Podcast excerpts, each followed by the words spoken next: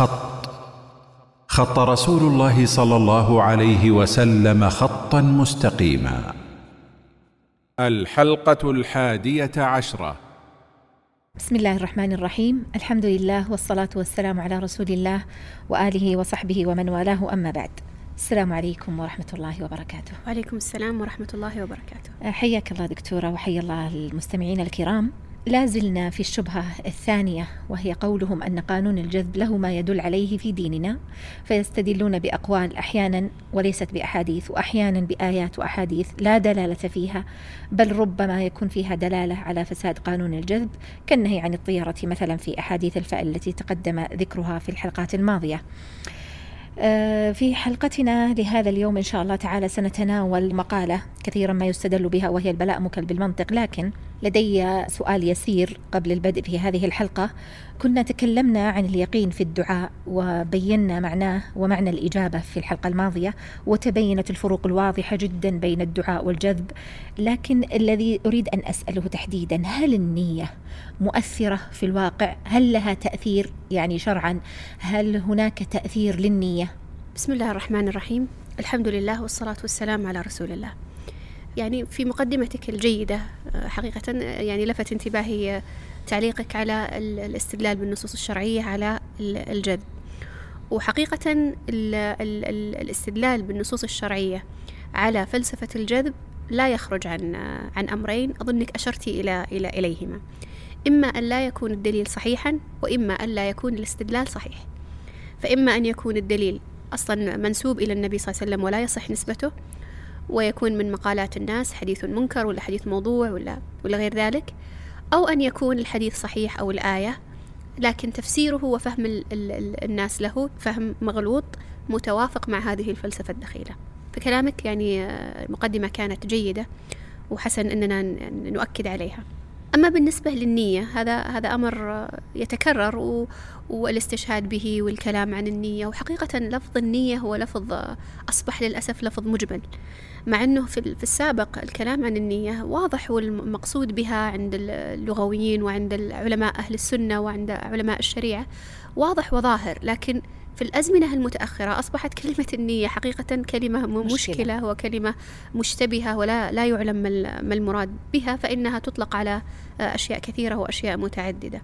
طبعا النية في اللغة ترجع إلى جذر نوى فيقال أنويه ونويته وهي تعبير عن إرادة عمل الشيء أو العزم على فعل شيء معين. لكن يمكن أن نقسمها من الناحية الشرعية أو في النصوص الشرعية وفي المعاني الشرعية إلى قسمين. القسم الأول من الإطلاقات النية هي النية التي تسبق الفعل ويكون معناها الإرادة المحركة للفعل. والثانية القصد من الفعل يعني المراد ونية الإنسان بفعله الذي يفعله وهذه تكون غالبا مصاحبة للفعل وأحيانا تسبقه. يعني ممكن ما الذي تقصده ما الذي تنويه من فعلك ما الذي تريده من فعلك فهذا أيضا يطلق عليه نية. فإذا عندنا إطلاقين هي يعني أبرز الإطلاقات لمصطلح النية في الشريعة الإسلامية وليست النية في الشريعة ولا في اللغة تطلق على يعني مطلق الأفكار ومطلق المشاعر في أي موضع كان. يعني إطلاق المعاصرين الآن على النية وإرادتهم بها مشاعر الإنسان. ولا آه، أفكار الإنسان. هذا ليس له مستند ترى شرعي وليس له مستند لغوي بأنها مطلق الأفكار أو مطلق المشاعر أو نحو ذلك وإنما تنصرف عادة إلى هذين المعنيين اللذين ذكرتهما في آه، قبل اللذين هما؟ الإرادة المحركة للفعل يعني ما باعثك وما دافعك هذا مقصود؟ لا المقصود الآن سأوضحها بالتفصيل لكنه هو المحرك للفعل الذي يجعل الإنسان يتحرك لأجل أن يفعل. فيعني الإرادة المحركة للفعل والثاني اللي هو القصد من الفعل أو ما الذي يريده أو هدفك من نعم. من فعلك. أجي للقسم الأول عشان أوضحها لأنه يظهر أنها يعني قد يكون فيها شيء من الاشتباه. يأتي هنا هذا اللي قلنا هو المحرك أو الذي تكون فيه منشأ العمل ومنشأ الفعل ووقوعه. فيأتي بمعنى الإرادة والقصد. وتأثير هذه الإرادة والنية في حصول الفعل وتغيير الواقع المتعلق به محل اتفاق. أعطيك مثال عشان يوضح لك الفكرة. لما يجي أحد يريد أو ينوي أن يفتح الباب واقف قدام الباب الآن ينوي أن يفتح الباب. يعزم يعني. نعم يعزم بإرادة ويريد أن يفتح الباب. يعني هذا كأنه نوع من الأمر والإشارة من الدماغ إلى أعضاء أعضاء الجسد.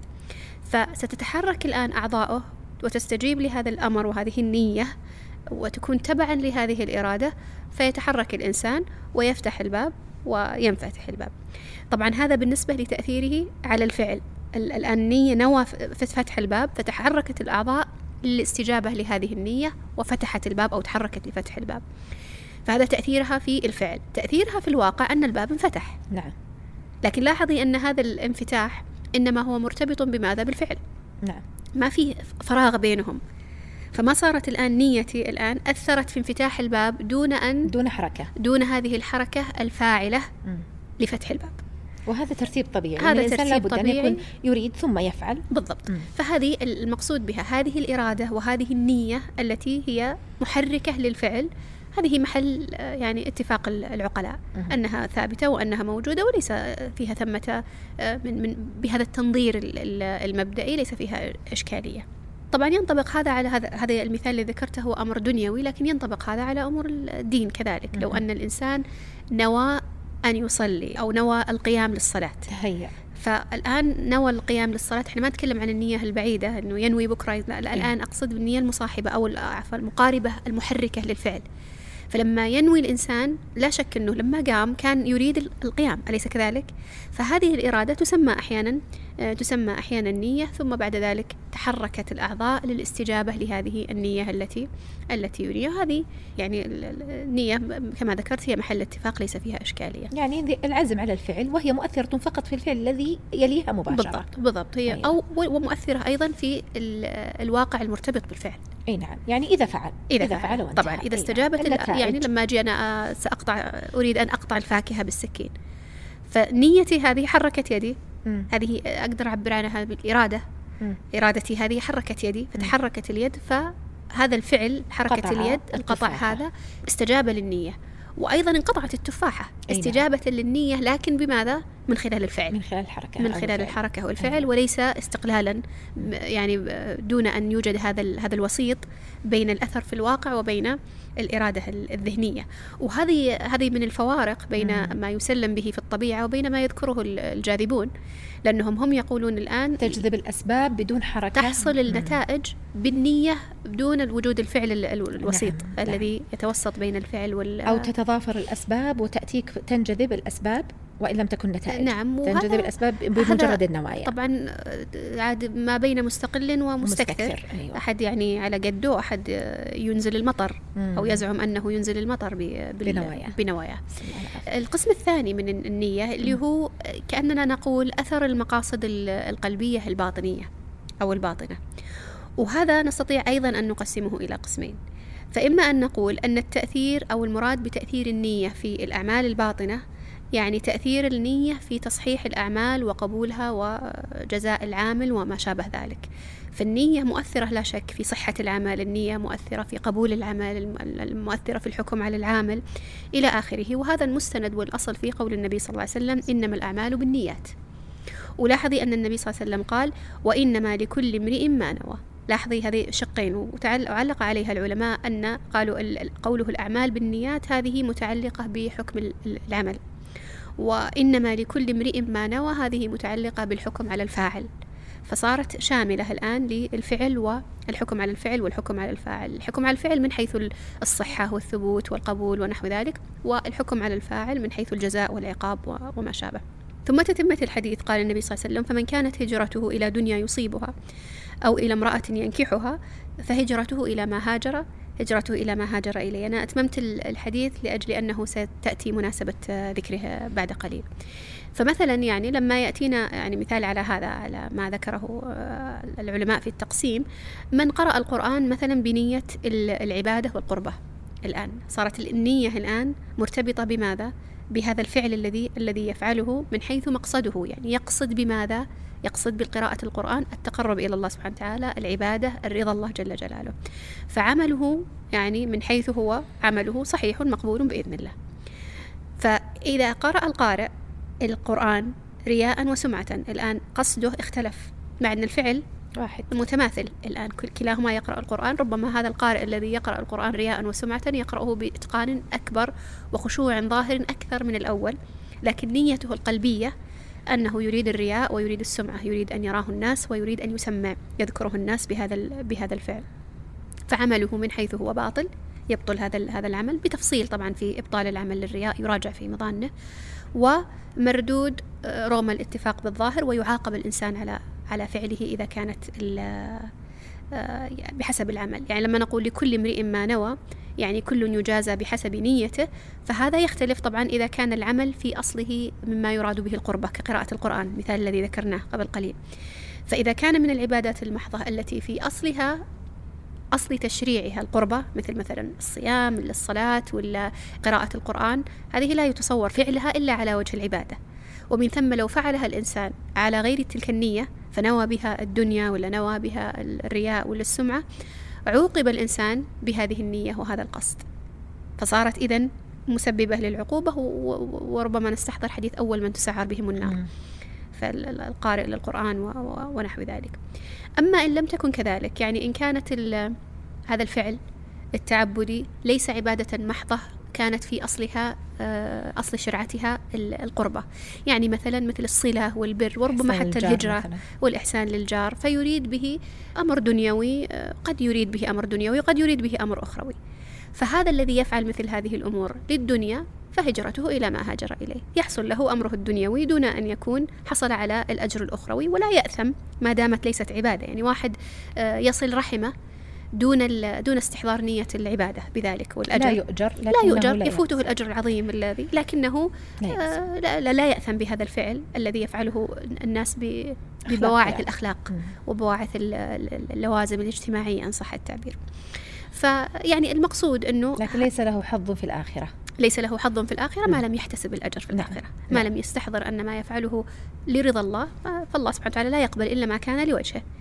فيفعله لشيء آخر فلا لا يكون لا يكون عبادة يؤجر الإنسان عليها لكن لا يأثم عليها ويعاقب عليها إلا إذا كانت عبادة لا تصرف في الأصل إلا لله مثل ما ذكرنا في القرآن نعم. والصلاة وغيرها نعم. فهذه إذا صرفت لغير الله ليس فقط يفوت الإنسان الأجر وإنما يأثم ويعاقب على نعم. على هذا الأمر وكل هذه المسائل هي تكاد تكون محل اتفاق ذكرتها فقط للتمهيد للنقطة التي محل هي محل الخلاف ومحل الإشكال التي هي القسم الثاني من تأثير النية في, في الأعمال الباطنة أو والذي قبل قليل يعني ربما تدله كثير من الأدلة كقول الله عز وجل مثلا من كان يريد العاجلة عجلنا له فيها ما نشاء لمن نريد. نعم نعم. وقول الله عز وجل من كان يريد حرث الآخرة نزد له في حرثه. يعني أنه يأخذ من الدنيا نصيبه ولا يكون له في الآخرة حظ في الآخرة, حظ في الآخرة لأنه نوى بهذا الأمر الدنيا فقط. فعجلت له فعجلت له العاجلة ويعطى كما يذكر المفسرون في هذه الآيات يذكرون أنه يأتيه ما كتب الله له نعم. من أمور الدنيا. فيأتيه الرزق في الدنيا ولا يأتيه الأمور التي أرادها في الدنيا. لكن في الآخرة يفوته الأجر لأجل أنه لم يلتفت قلبه ونيته إلى ثواب الآخرة. وما صحت إرادته. نعم. ما صحت نيته وإرادته في ذلك. القسم الثاني اللي هو تأثير النية في التوفيق والخذلان وهذا هو محل أيوة. محل الأخذ والعطاء والذي تدخل فيه بعض الاشتباهات في هذا السياق.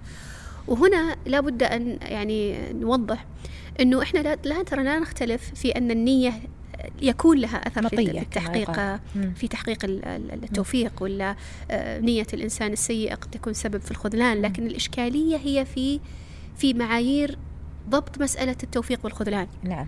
هذا يعني لما تقول أن الذي تصح نيته فإنه يوفق. أيوة. والذي تفسد نيته فإنه يخذل.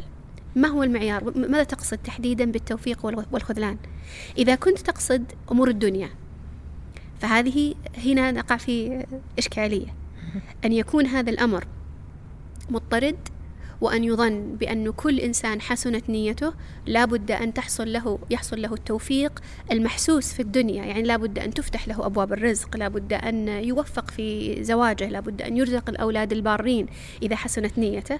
فهذه إشكالية لأنها ليس فقط يعني مخالفة للنصوص الشرعية التي تدل على أنه آه، أن الصالحين مبتلين في الدنيا. نعم صحيح. وأن الأشد الناس بلاء الأنبياء ثم الأمثل فالأمثل. فهذا يدل على أنه رغم صلاح نياتهم وصفاء سريرتهم إلا أنه يأتيهم من البلاء الدنيوي الذي هو المعيار الدنيوي المحسوس من الابتلاء في الأرزاق ولا في الأبناء ولا نوح عليه السلام ابتلي في ولده.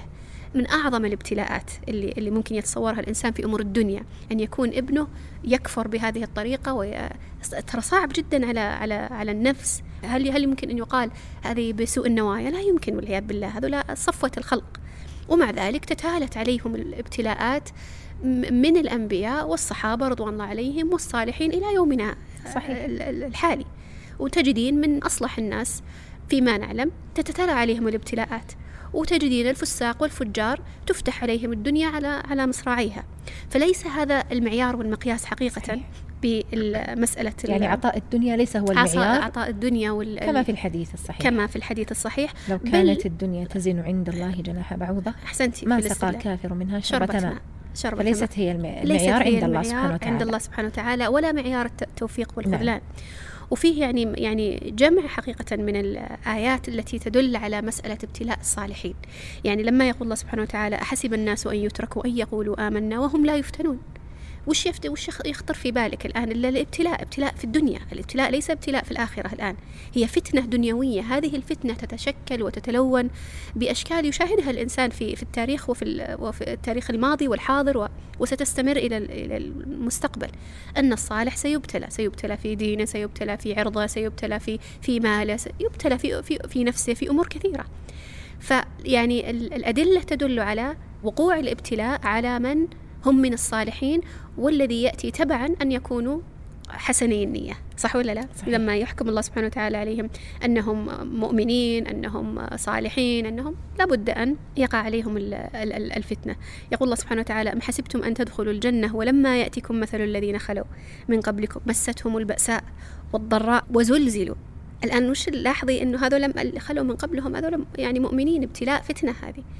فيعني القضية تتالي البلاء على الإنسان أمر مسلم به مسلم به شرعا. ولذلك لا يمكن أن نقول أنه البلاء مرتبط بسوء النية. نعم هذه هذه مصيبة لما تقول أنه إذا جاء الإنسان بلاء فإنه مرتبط بسوء النية وحسن النية مرتبطة قطعا بالسراء وبانفتاح الدنيا والرزق وما شابه ذلك.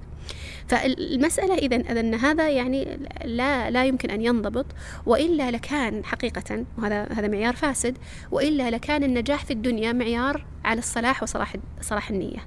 وهذا هذا لا يقول به لا عاقل ولا يقول به آه، طالب علم ولا رجل دين ولا عالم ولا جاهل حتى. أن يقول أنه هذا الذي فتحت عليه الدنيا بل هو يعني مشهود يعني يشاهد الإنسان حتى حتى الكافر. لا يسلم بهذا ويعترض على هذا المبدأ. مش بس المسلم ولا العالم ولا ولا التقي ولا الصالح حتى الكافر يقول لك يعني نرى من يظلم ويبطش وتفتح عليه الدنيا. ونرى من هو بمعيار العيار الإنساني ليس بالمعيار الديني حتى آه، عادل ويعني مستقيم ويعني صالح في في أمر دنياه. ومع ذلك هو مبتلى في فليس المعيار مضطردا في الواقع لا لا حسا ولا ولا عقلا ولا ولا شرعا. لكنه قد يحصل وقد يتخلف. يعني ما نقول إنه الصالحين لا بد أن تكون حياتهم تعيسة ولا نقول العكس. بل قد يبتلي الله سبحانه وتعالى بالسراء وقد يبتلي الله سبحانه وتعالى بالضراء قد يبتلي الله سبحانه وتعالى بانفتاح الدنيا قد يبتلي الله سبحانه وتعالى يقدر عليه أرزاق. يعني الأمر متنوع عائد إلى إلى حكمة الله سبحانه وتعالى وتدبيره. فهذا الربط هو الذي لدينا فيه إشكالية. أحسنتي. أن يقال أنه لا ترى اللي حسن النية كذا. قد يكون في بعض الحالات التي يوفق الله سبحانه وتعالى ويسهل الله سبحانه وتعالى للإنسان بعض الأمور بحسن قصده وبنيته. لكن حقيقة ليس هذا مضطردا. يعني يعني قبل قليل كنت تكلميني عن مسألة أحدهم يناقشك في مسألة الزواج وأن الرجل إذا أراد الزواج فإنه تنفتح له يعني أبواب الدنيا وتتيسر. وهذا ليس مضطردا كذلك. إذا حسنت نيته كم كم من الأشخاص اللي يريدون ذلك ويبتليهم الله سبحانه وتعالى بأن يتأخر ولا يبتليهم الله سبحانه وتعالى بزوجة ليست امرأة صالحة ولا غير ذلك فالأمر ليس مضطرد. هذا الذي أردت أن, أن أصل إليه. فأن يقال أن الإنسان ما يحصل له من أقدار مرتبط ارتباط مضطرد بما يبطنه في قلبه هذا أمر لا يستقيم لا شرعا ولا حسا ولا عقلا. هذه النقطة الأولى. أما في الأمور الأخروية فإن هذا مضطرد. أيوة. يعني هنا يأتي قضية التوفيق والخذلان في الآخرة. هذا مرتبط ارتباط آه، مضطرد وقطعي ووثيق بنية الإنسان وقصده ومقاصده. مثال ذلك. يعني مثلا ما كان في ذلك مثلا في قبل قبل ذلك ما كان في مثلا العبادات القلبية. إذا كان الإنسان الآن آه، ما كان من النية في العبادات القلبية ليس في مقاصد العبادات. يعني مثلا التوحيد آه، حب الله الخوف من الله التوكل على الله سبحانه وتعالى فإن هذا يوفق إلى في الآخرة. يعني يوفق في الآخرة ويجزى يعني لما نقول توفيق الآخرة المقصود به الثواب. ولما نقول خذلان الآخرة هو العقاب. وكذلك الهداية في الدنيا المرتبطة بها يعني. إي إي لا شك حتى الأمور الدنيوية ليست الأمور الدينية يعني. لا. ليست الأمور المحسوسة. يعني لو خلينا نرجع شوي على على وراء على الجزئية اللي قبل قليل اللي كانت في الدنيا. فاتني أن أنبه الي إليها. إذا كان المقصود بالتوفيق والخذلان في الدنيا هي ما يتعلق مثلا بالبركة ولا اطمئنان القلب نعم. ولا السعادة فهذا لا شك أنه من جزاء الحسنة نعم. فالإنسان الذي يعبد الله سبحانه وتعالى ويحسن النية ويجازيه الله سبحانه وتعالى بهذه الأمور إن صح التعبير المعنوية لكن ليست الأمور بالضرورة الحسية ولذلك يقول يعني يؤثر عن, عن كثير من السلف لو يعلم أبناء الملوك ما نحن فيه لجالدون عليها بالسيوف مع أنه أبناء الملوك يعيشون الرفاهية الدنيوية صح ولا لا لكن هذه الراحة القلبية الموجودة عند المؤمن لا يستطيع أن يحصل عليها إلا من اشتراها إن صح التعبير بالإيمان. نعم. ويعني دفع ثمنها بالتقوى والصلاح والقرب. ولذلك معروف الأثر عن شيخ الإسلام ابن تيمية لما حبس في في سجن القلعة كان يقول ما ما يفعل أعدائي بي؟ أنا أنا جنتي وبستاني في صدري. وهذه يعني معاني مستفيضة في في كلام السلف وعند الصالحين أن السعادة القلبية مرتبطة بالطاعة وبالإيمان والبركة كذلك في الرزق والرضا والتسليم. هذه الأمور لا لا يحصل عليها إلا إلا المؤمن. فإن كان المقصود بالتوفيق هذا في الدنيا فهذا مسلم به وهذا الآخرة هي نعم. وهذا مرتبط لا شك بقضية النيات وما شابه ومتأثر بالنيات. أما الرزق المحسوس فهو الذي تكلمنا عنه. أما نجي نرجع لأمور الآخرة فما يتعلق بقلنا الأعمال القلبية هذه يعني آه، الأعمال القلبية العبادات القلبية يجازى عليها الإنسان أو يعاقب لأنه الأعمال القلبية قد تكون معاصي وقد تكون شرك وقد تكون آه، خوف من غير الله تعلق غير الله شرك في المحبة شرك. فهذه يعاقب عليها الإنسان في الآخرة فهي مرتبطة بالخذلان والتوفيق الأخروي.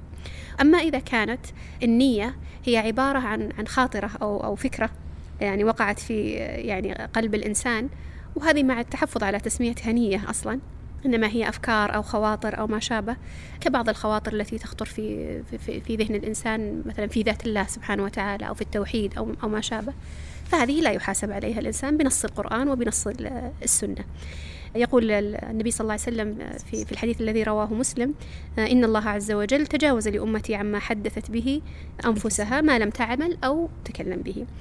أما من هم بحسنة أو هم بسيئة وهذا ما يترتب عليه من ثواب وعقاب وإلى آخره فهذا فيه تفصيل يطول يراجع في في مظانه. لا لا, لا يسهل لا تتسع المقام لتفصيله. المقصود هم بسيئة لم يفعلها أو هم بحسنة لم يفعلها. إذا هم بحسنة فإنه يجازى وإذا هم بسيئة هذه اللي فيها فيها تفصيل. في هل يعاقب عليها أو لا يعاقب فيها تفصيل آه يعني يراجع في مظانه. لكن أبختم هالجزئية بنقطة مهمة جدا وهي أنه لو سلمنا يعني بهذا الاضطراد أنا أنا أقول لو سلمنا لو سلمنا بأنها سبب لخذلان الله أو في الدنيا في, في نعم. أمور الدنيا يعني أن هذا مضطرد أن هذا كلما حسنت نية بالضبط. العبد خذل أنا أو, أنا أو وفق أنا أنا أقول نتنزل مع الذي نعم. يقول بهذا م. وسلمنا له بأن الذي تحسن نيته تفتح له أبواب الرزق والدنيا والذي تسوء نيته يغلق في بابه يعني يسلب الرزق والتوفيق الدنيوي. لكان هذا فرق شاسع ترى بين هذه الصورة وبين صورة الجذب. لأنه هذا مبني على آه، مبادئ قيمية معيارها الخير والشر. نعم. بخلاف الجذب الذي لا ينضبط بخير والشر. فحنا نقول الآن الشخص الذي عنده خير في باطنه يجيه الخير في ظاهره والذي عنده شر في باطنه يأتيه الشر في في ظاهره. الجذب لا يقول بهذا ليس معياره ما يسمونه القيم. عشان كذا دائما يقولون الجذب ذبذبي وليس قيمي.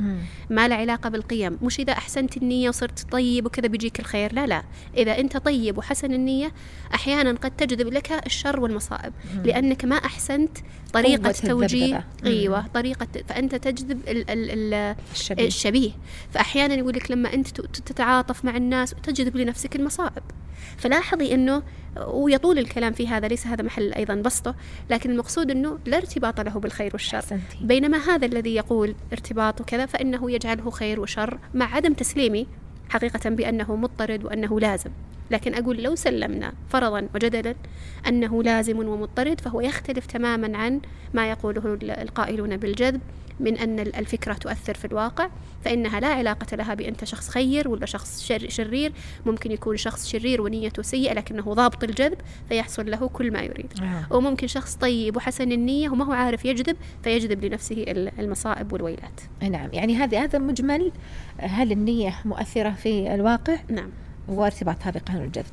نسعد باشتراككم وتقييمكم. طيب حقيقة مهم جدا إذا أن ننبه لأمر في غاية الأهمية وهو ضرورة استحضار في كل في كل ردنا على على على شبهات الجذب ضرورة استحضار معاني العبودية لله جل وعلا وأنه هو المنعم المتفضل سبحانه وتعالى وأنه لا مكره له وأنه يفعل لحكمة بالغة ويستحضر كذلك ما أشرت له قبل قليل دكتورة وهي الغاية من الخلق والابتلاء في هذه الحياة بالشر والخير. هذه معاني لا تنفك عن كل ما يخالف هذا الأصل يعني كل ما يخالف هذا الأصل فيجب أن يرد. طيب يا دكتورة ماذا عن من يستشهد بقوله تعالى إن الله لا يغير ما بقوم حتى يغيروا ما بأنفسهم؟ يعني آه، أنا أقول يا هنا لو لو سنتتبع الشبهات التي التي يذكرونها ترى لن يعني لن لن ننتهي. هذا صحيح. مما ربما تفنى الأعمار دونه. وكل يوم يأتوننا بشبهة ولا يسوقون آية ويستدلون بها استدلال خاطئ على الشيء الذي يريدونه. لكن مثلا في هذه الآية وهذه يعني قاعدة مهمة جدا أن يتبعها المستمع في الرد على مثل هذه الشبهات وهي أن إذا أشكل عليك شيء يعني أحد قال أتى بآية وساقها في في سياق يعني مشتبه ومشكل مستغرب وأتى بها للاستدلال على أمور تشك وتنفر منها النفوس الحل في ذلك الرجوع إلى كتب التفسير. اعلمي ماذا قاله السلف والعلماء المحققين في هذه الآية وفي مفهومها. هل هو متوافق مع ما يذكره هؤلاء المعاصرين؟ ولا هو معنى مختلف تماما عن المعنى الذي يريدونه يعني أنا أتصور أنه حتى هذه الآية لا وجه فيها للاستدلال ابتداء رغم أنها ترى من أكثر الآيات التي تستخدم في الاستدلال على الجذب أن الله سبحانه وتعالى لا يغير ما بقوم من الأمور الواقعة حتى يغيروا ما بأنفسهم. وهذا ترى أصلا حتى كلمة النفس تراها لا تطلق بالضرورة على الباطن وإنما النفس تطلق أحيانا على مجموع الروح والجسد وتطلق أحيانا على الروح وتطلق أحيانا على الدم وتطلق تطلق على مفاهيم ومعاني كامل. تطلق على الشخص على الشخص كامل وهذا الذي يظهر من معاني الآيات ومن تفسيرها أن الله سبحانه وهكذا قال الطبري وابن كثير وكثير من المفسرين المتقدمين أن المقصود بهذا أن الله سبحانه وتعالى لا يغير ما بقوم من الرحمة أو يغير ما بهم من من التضييق أو حتى يغيروا ما بهم من من المعصية والطاعة. فإذا تحولوا من الطاعة إلى المعصية تحول حالهم من الرضا ومن الرحمة إلى العقوبة. وإذا تحول حالهم من المعصية إلى إلى إلى الطاعة فإنه تحول حالهم من العقوبة إلى الرضا والفرج ونحو ذلك. فلا ليس ثمة أحد يقول إنما هي متعلقة بمسألة يعني سياق الأقدار وتغير الأفكار وإنما هي مرتبطة بالإيمان وبالكفر وبالطاعة وبالمعصية. كما هو سياقها في سياقها في, في الآية. وكذلك يعني يعني سياقها في الآية يدل على مسألة الثواب والعقوبة وختام الآية ترى. وإذا أراد الله بقوم سوءا فلا مرد فلا مرد له. يعني هذا فيه حقيقة حتى إسقاط ونقض لي ما ما يقولونه من أن ال ال الإرادة هي المتحكمة والمتصرفة بالكون وبالأقدار. إذا أراد الله بقوم سوءا فأرادوا هم ما أرادوا جذبوا ما جذبوا فلا مرد له. لا يرده جذب ولا يرده إرادة ولا يرده شيء. سبحانه فالمقصود يعني الاستدلال بهذه الآية حقيقة لا يستقيم إطلاقا وهو استدلال ضعيف يعني حتى يعني من ناحية يعني اللغوية ما أعرف كيف ممكن يقتنع بعضهم بمثل هذا النوع من الاستدلال يعني لا أجد أصلا فيه شبهة قوية نعم هي يعني بعض في سورتين في الرعد وفي الأنفال وكلها وردت في سياق العقوبة أي. نعم. السياق آه، في الأنفال وردت في آه، آل فرعون نعم. أبي آل نعم. فرعون نعم. والذين من قبلهم كفروا بآيات الله فأخذهم الله بذنوبهم إن الله قوي شديد العقاب. ذلك بأن الله لم يكن مغيرا نعمة أنعمها على قوم حتى يغيروا ما بأنفسهم وأن الله سميع عليم. وهذا واضح كدأب آل فرعون والذي إلى آخر آل فرعون. نعم. نعم. فالمقصود أنه يعني أحيانا لما يأتون ببعض الشبهات تكون في الشبهة فيها قوية تحتاج إلى تفكيك وتحتاج إلى تحليل وبيان. مثل هذه الشبهة من وجهة نظري حقيقة أصلا لا تقوم. ولا تحتاج إلى صحيح. كثير رد مجرد الرجوع إلى التفسير ومعرفة يعني المقصود بها يكفي فيه طيب ماذا عن قول آه، مقولة؟ البلاء موكل بالمنطق. أي. هذه أيضا من يعني من الإشكالات اللي اللي يعني يكثر الاستشهاد بها لأجل لا تمارضوا فتمرضوا. نعم. مم. لأجل الاستدلال بها على قضية الجد. فيقول الكلمة التي تتلفظ بها تأتيك أو يحصل لك ما يوافق هذه يوافق هذه الكلمة وهذه للأسف منزلق وقع فيه حتى بعض بعض طلاب العلم بطريقة أو بأخرى على غير المراد بالنصوص الشرعية. يعني هذا كأنها أقرب للتطير. لا شك. أو اعتقاد أنها سبب. لكنه يعني برضو في تفصيل. لعلنا يعني ندخل في في شيء من ذلك. هل هي حديث يا دكتور؟ بعض يستدلون بها على أنها حديث. هو, هو لا يصح مرفوعا عن النبي صلى الله عليه وسلم. يعني لا هذا البلاء موكل بالمنطق ليس ليس حديثا عن النبي عليه الصلاة والسلام. وهذا يأخذنا إلى آه، طريقة التعامل معه. وأنه لا يكون مثل تعاملنا مع حديث ثابت عن النبي عليه الصلاة والسلام آه، بحيث أننا يعني آه، يكون له من القدر وله يعني شيء من يعني القداسة إن صح التعبير. ما لا يعني يكون لكلام بقية البشر لأنه النبي صلى الله عليه وسلم لا ينطق عن الهوى والكلمة التي ينطق بها آه، لها مدلول. يعني من يعني لها نعم سياقها له له له دلالة ثابتة بخلاف الناس اللي قد يعبرون بشيء ويريدون شيء آخر أو أو يعني يدخل كلامهم ال ال يعني الخطأ والنسيان والتعبير فهذا لا يعني ليس بحديث ابتداء. ليست بحديث وكذلك لا تمارضوا فتمرضوا ليست بحديث. أيضا كذلك ليس طيب بحديث وهذا يستدل يستدل به كثيرا لا تمارضوا فتمرضوا. أي. ويعني آه، وإن كان يعني لا تمارضوا فتمرضوا يعني قد يأتي يدخل تحت مفهوم آخر سيأتي بعد بعد قليل في في يعني ما هي ال ال ال الأحوال التي يمكن أن يقال البلاء موكل بالمنطق كمعنى نعم. وليس ك طب قبل ما آه، نفسر أصلا الكلمة هذه هي إذا مقالة من؟ مثل يعني هي ولا وش آه بس قبل ما أدخل في هي مقالة من آه يعني لما نتكلم عن البلاء موكل يعني بالمنطق بودي أنا لا أتصور أننا في هذه الحلقة نستطيع أن نلم بأطرافه. ولذلك أحيل المستمعين والمستمعات آه، كرما لمراجعة بحث منشور على على الشبكة آه، بعنوان البلاء موكل بالمنطق ودراسة عقدية لهذه الرواية والمآخذ الإشكالات التي عليها والرد على كثير منها ومناقشة كثير من الشبهات الواردة فيها لمحدثتكم. يعني البحث يعني منشور يعني مجاني لا يحتاج إلى حتى شراء ولا طلب نسخة ورقية موجود على الشبكة يمكن بحثه. الإشكالات التي لن نستطيع الإجابة عليها في هذه الحلقة يعني بالإمكان قراءتها بشكل يعني متأني. في في موضعها هناك. فمن كانت لديه إشكالات أنا مش كل الناس ترى عندهم إشكالات تفصيلية في هذا الموضوع لكن اللي عنده إشكالات تفصيلية وعنده شبهات كثيرة فيه أزعم بإذن الله أنه سيجد جلها أو أغلبها في في ذلك البحث المختصر. نجي لي من من وين جاتنا هذه هذه العبارة؟ إذا كانت ليست واردة عن النبي صلى الله عليه وسلم ليست من أحاديثه اختلف المؤرخون إن صح التعبير في من أين أتتنا؟ فقيل هي من أمثال الجاهلية التي استمرت يعني في وقت الإسلام وأصبح الناس يتداولونها ويستخدمونها. وقيل هي من الاصطلاحات التي استخدمها آه، أبو بكر الصديق رضي الله عنه في محاورة صبي من آه، قبيلة ربيعة. وكانت يعني آه، الحوار طريف بينهما. يعني متعلقة بالأنساب أبو بكر الصديق رضي الله عنه معروف باهتمامه بالنسب ومعرفته بالأنساب. فكان سألهم من أي من أي ربيعة أنتم؟ فقالوا من كذا. يعني من وسطها ومن أفضلها فقال منكم فلان ومنكم فلان ومنكم فلان فقالوا لا لا لا يعني يذكر الأشخاص المرموقين المعروفين في القبيلة فقال إذا أنتم لستم من يعني صفوة صفوة القبيلة. فجاء هذا الصبي فقال لي أبي بكر الصديق وأنت من من؟ عرفنا بنفسك؟ فقال أنا فلان ابن فلان. فقال من أيها؟ فبدأ يعد أشخاص يعني من تيم. نعم, نعم من قال ليس.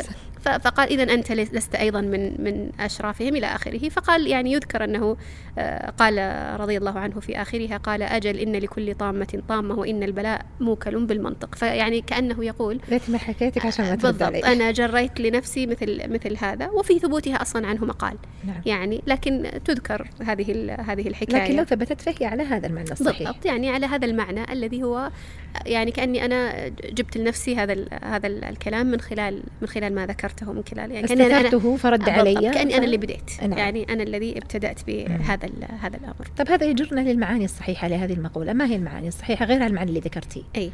يعني المقصود لما نقول المعاني الصحيحة يعني متى يصح أن نقول البلاء موكل بالمنطق؟ يعني ليس كل مفهوم لهذه العبارة خاطئ أو باطل بالعكس يعني يوجد لها يعني معاني ومفاهيم صحيحة لا يختلف فيها يعني العقال. يعني على سبيل المثال وليس فيها مصادمة للعقيدة وليست هي ولا ولا تمت لقانون الجد بصلة وليست هي المشكلة التي نعم. نحن بصددها. أذكرها هنا لأجل بس بيان تمام. الفكرة التي التي نريد أن نصل إليها. من المعاني آه، للبلاء موكل بالمنطق أن يكون الإنسان يتلفظ بما يوجب العقوبة الإلهية. فيكون البلاء الذي هو العقوبة الإلهية مرتبط بالمنطق الذي هو المعصية أو ما يوجب تلك العقوبة. يعني وردت في ذلك نصوص مثل الدعوة الكاذبة خاصة في الرؤية الشماتة والسخرية عقوبة التطير التألي على الله الاعتراض على الشارع وتكذيبه وتوجد شبهات تحت يعني أو عفوا توجد آه، يعني أدلة تدل على هذه الأمور كثيرة مستفيضة تجدونها في البحث لمن لمن أراد. إذا وفيها تنصيص يا دكتور يعني أنا أشوف كثير من الأدلة آه، فيها تنصيص على العقوبة.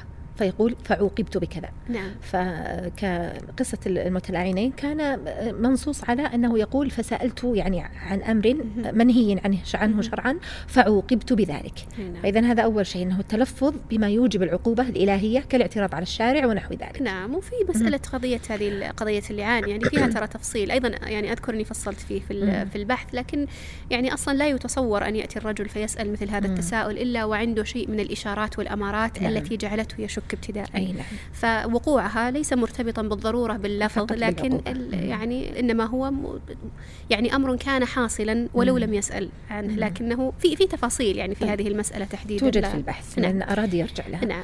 لكن التلفظ أو إذا الأول التلفظ بما يوجب العقوبة الإلهية بصور آه، مختلفة. آه، الثاني اللي هو التلفظ بما يوجب العقوبة البشرية.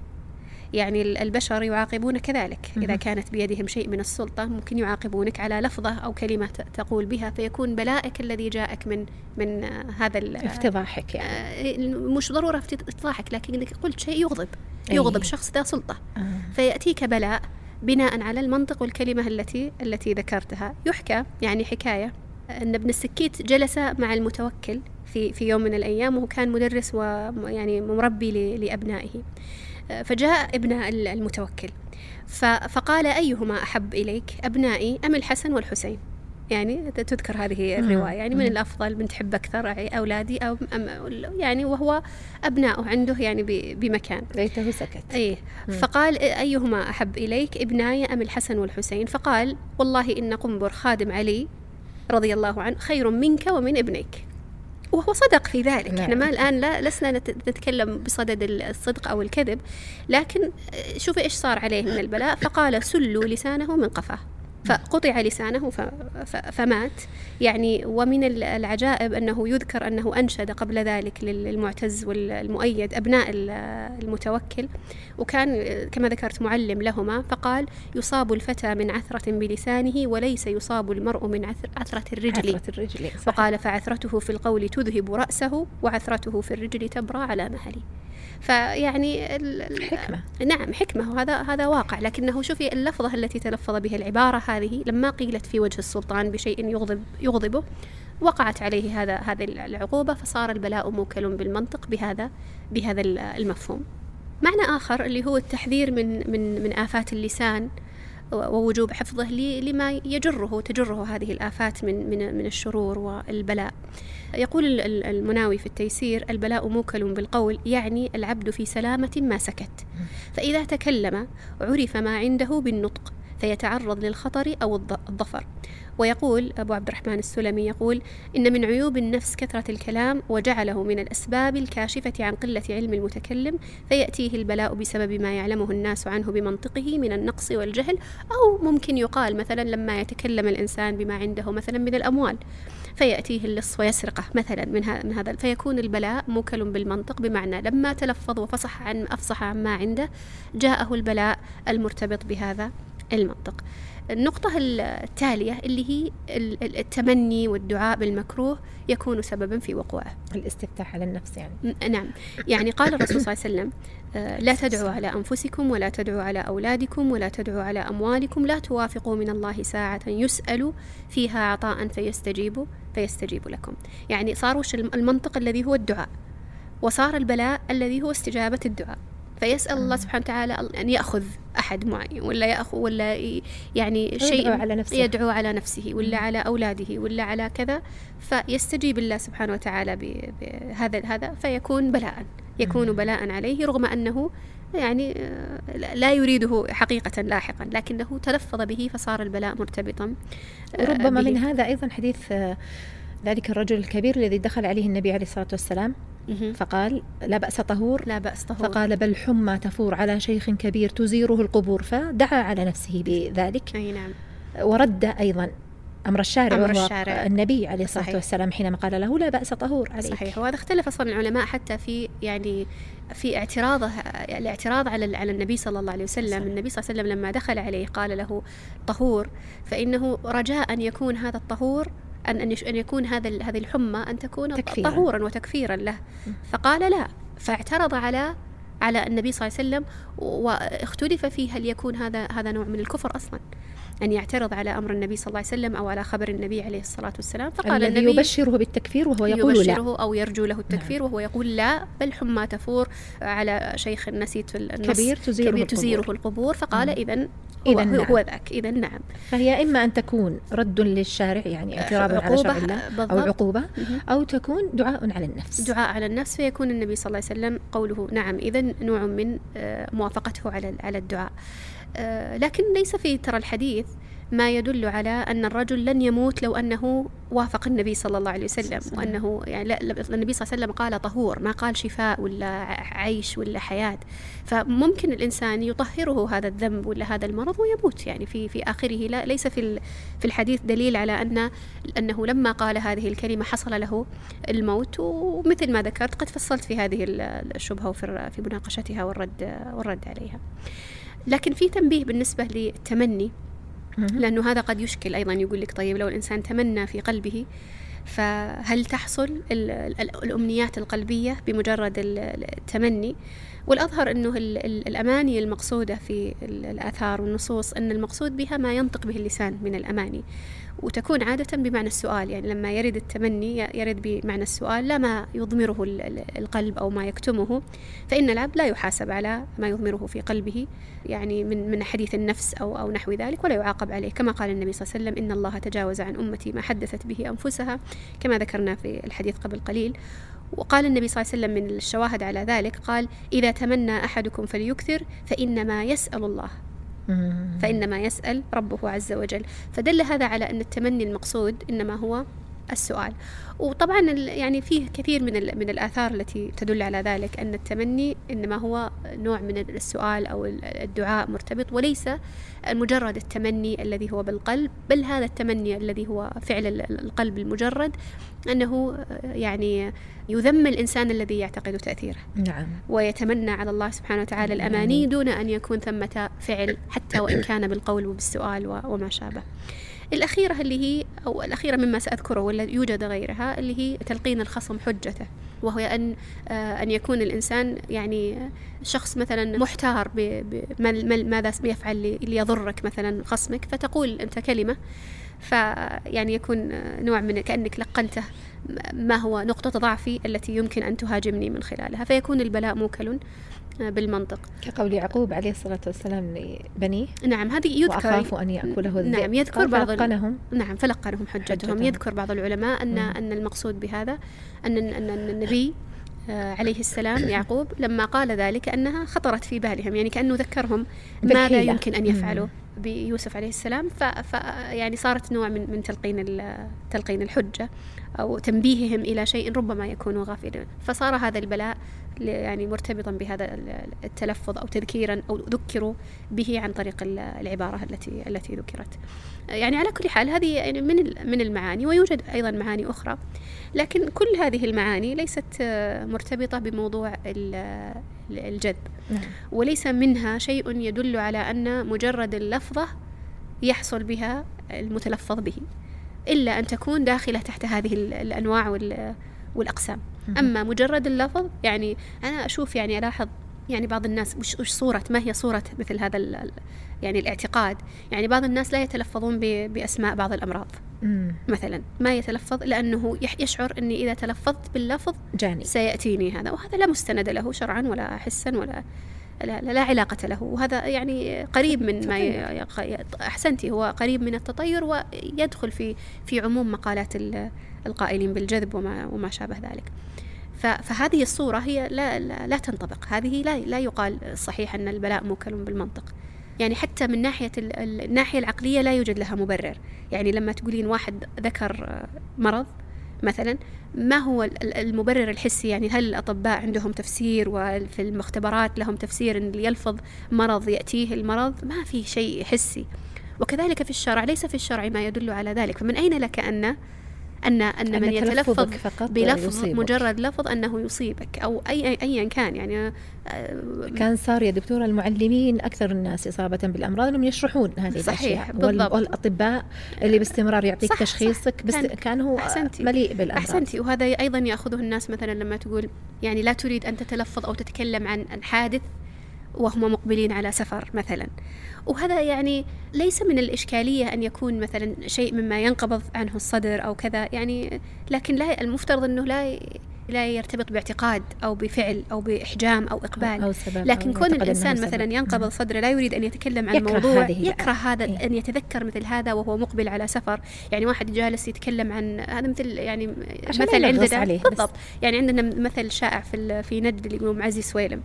لما يتكلم الواحد في أمور ت- مثبطة للشخص اللي اللي هو عنده. يقول مثلا فلان جاء اللي مثل مرضك جاء؟ مات وفلان مات وفلان مات وفلان مات. ما ليست أكيد تبي تضيق الصدر. ما راح تجيب له الموت لكنها تنغص عليه. صحيح. لما يعد الواحد يعني. عدد الحوادث الطيارات وإحنا حازمين آه، أمتعتنا بنسافر. طبيعي الواحد يت- يتنكد وربما يعني يتذكر ويخاف. ليس لأجل أنه ذكر ليس ليس لأنه لأجل سبب. لفظ. لا ليس لأنه لفظ وسبب نعم. لكن لأجل أنه تذكر أنه والله ممكن ترى تطيح الطيارة. وأنها طاحت ترى كم مرة فتنغصت عليه. فتنغص عليه لأجل ذلك. هذا لا بأس فقط. بهذا طبيعي لا. هذا من الجبلة الطبيعية. لكن أن يظن أن تلفظ الإنسان وكلامنا عن حوادث الطيارات سيسبب في سقوط الطيارة عشان كذا والله ما إحنا مسافرين خلينا نأجل ولا بنروح بالسيارة. هنا يقع الإشكالية ويدخل الواحد في مسألة الطيرة الشركية المحرمة. ويظن أنها من باب البلاء موكل بالمنطق وهذا حديث عن النبي صلى الله عليه وسلم وهذا ثابت وهذا لا شك باب واسع من الانحراف في ال- التصرف وفي الاعتقاد و... وتبين. لنا أنه ليس بحديث ثابت وأن المعاني التي المذكورة فيه صحيحة آه، لا علاقة لها بقانون الجذب بالضبط. وأن هذه المعاني الصحيحة أيضا يا دكتورة لا تعتبر ترى قاعدة عامة ولا قانون لا مضطرد. شك لا شك. يعني ممكن تقال ولا يقع البلاء ولا يقع إلا كل صح خير صح صحيح. آه طيب آه، شكر الله لك دكتورة على هذا التوضيح المستفيض المناسب المبارك. آه بهذا نكون ختمنا تقريبا يعني أشهر. ما آه يعني أزعم أننا أتينا على كل الشبهات لكن صحيح. أشهر الشبهات المنتشرة آه في آه، باب قانون الجذب. آه يبقى لنا إن شاء الله تعالى في هذا الموسم لأجل أن نقفل قانون الجذب هو ما يتعلق بقانون الجذب بوقوعه آه، وه- الحسية ناحية حس- والتجريبية نعم و- وبنقضه عقلا وبنقضه من الناحية العلمية وهل هو قانون كوني كما يزعم أو لا نعم. علميا هذا نعدكم فيه بإذن الله عز وجل في آخر حلقاتنا القادمة في هذا الموسم. أشكركم لحسن استماعكم وأشكرك يا دكتورة. سبحانك اللهم وبحمدك أشهد أن لا إله إلا أنت. أستغفرك وأتوب إليك. الحمد لله والصلاة والسلام على رسول الله.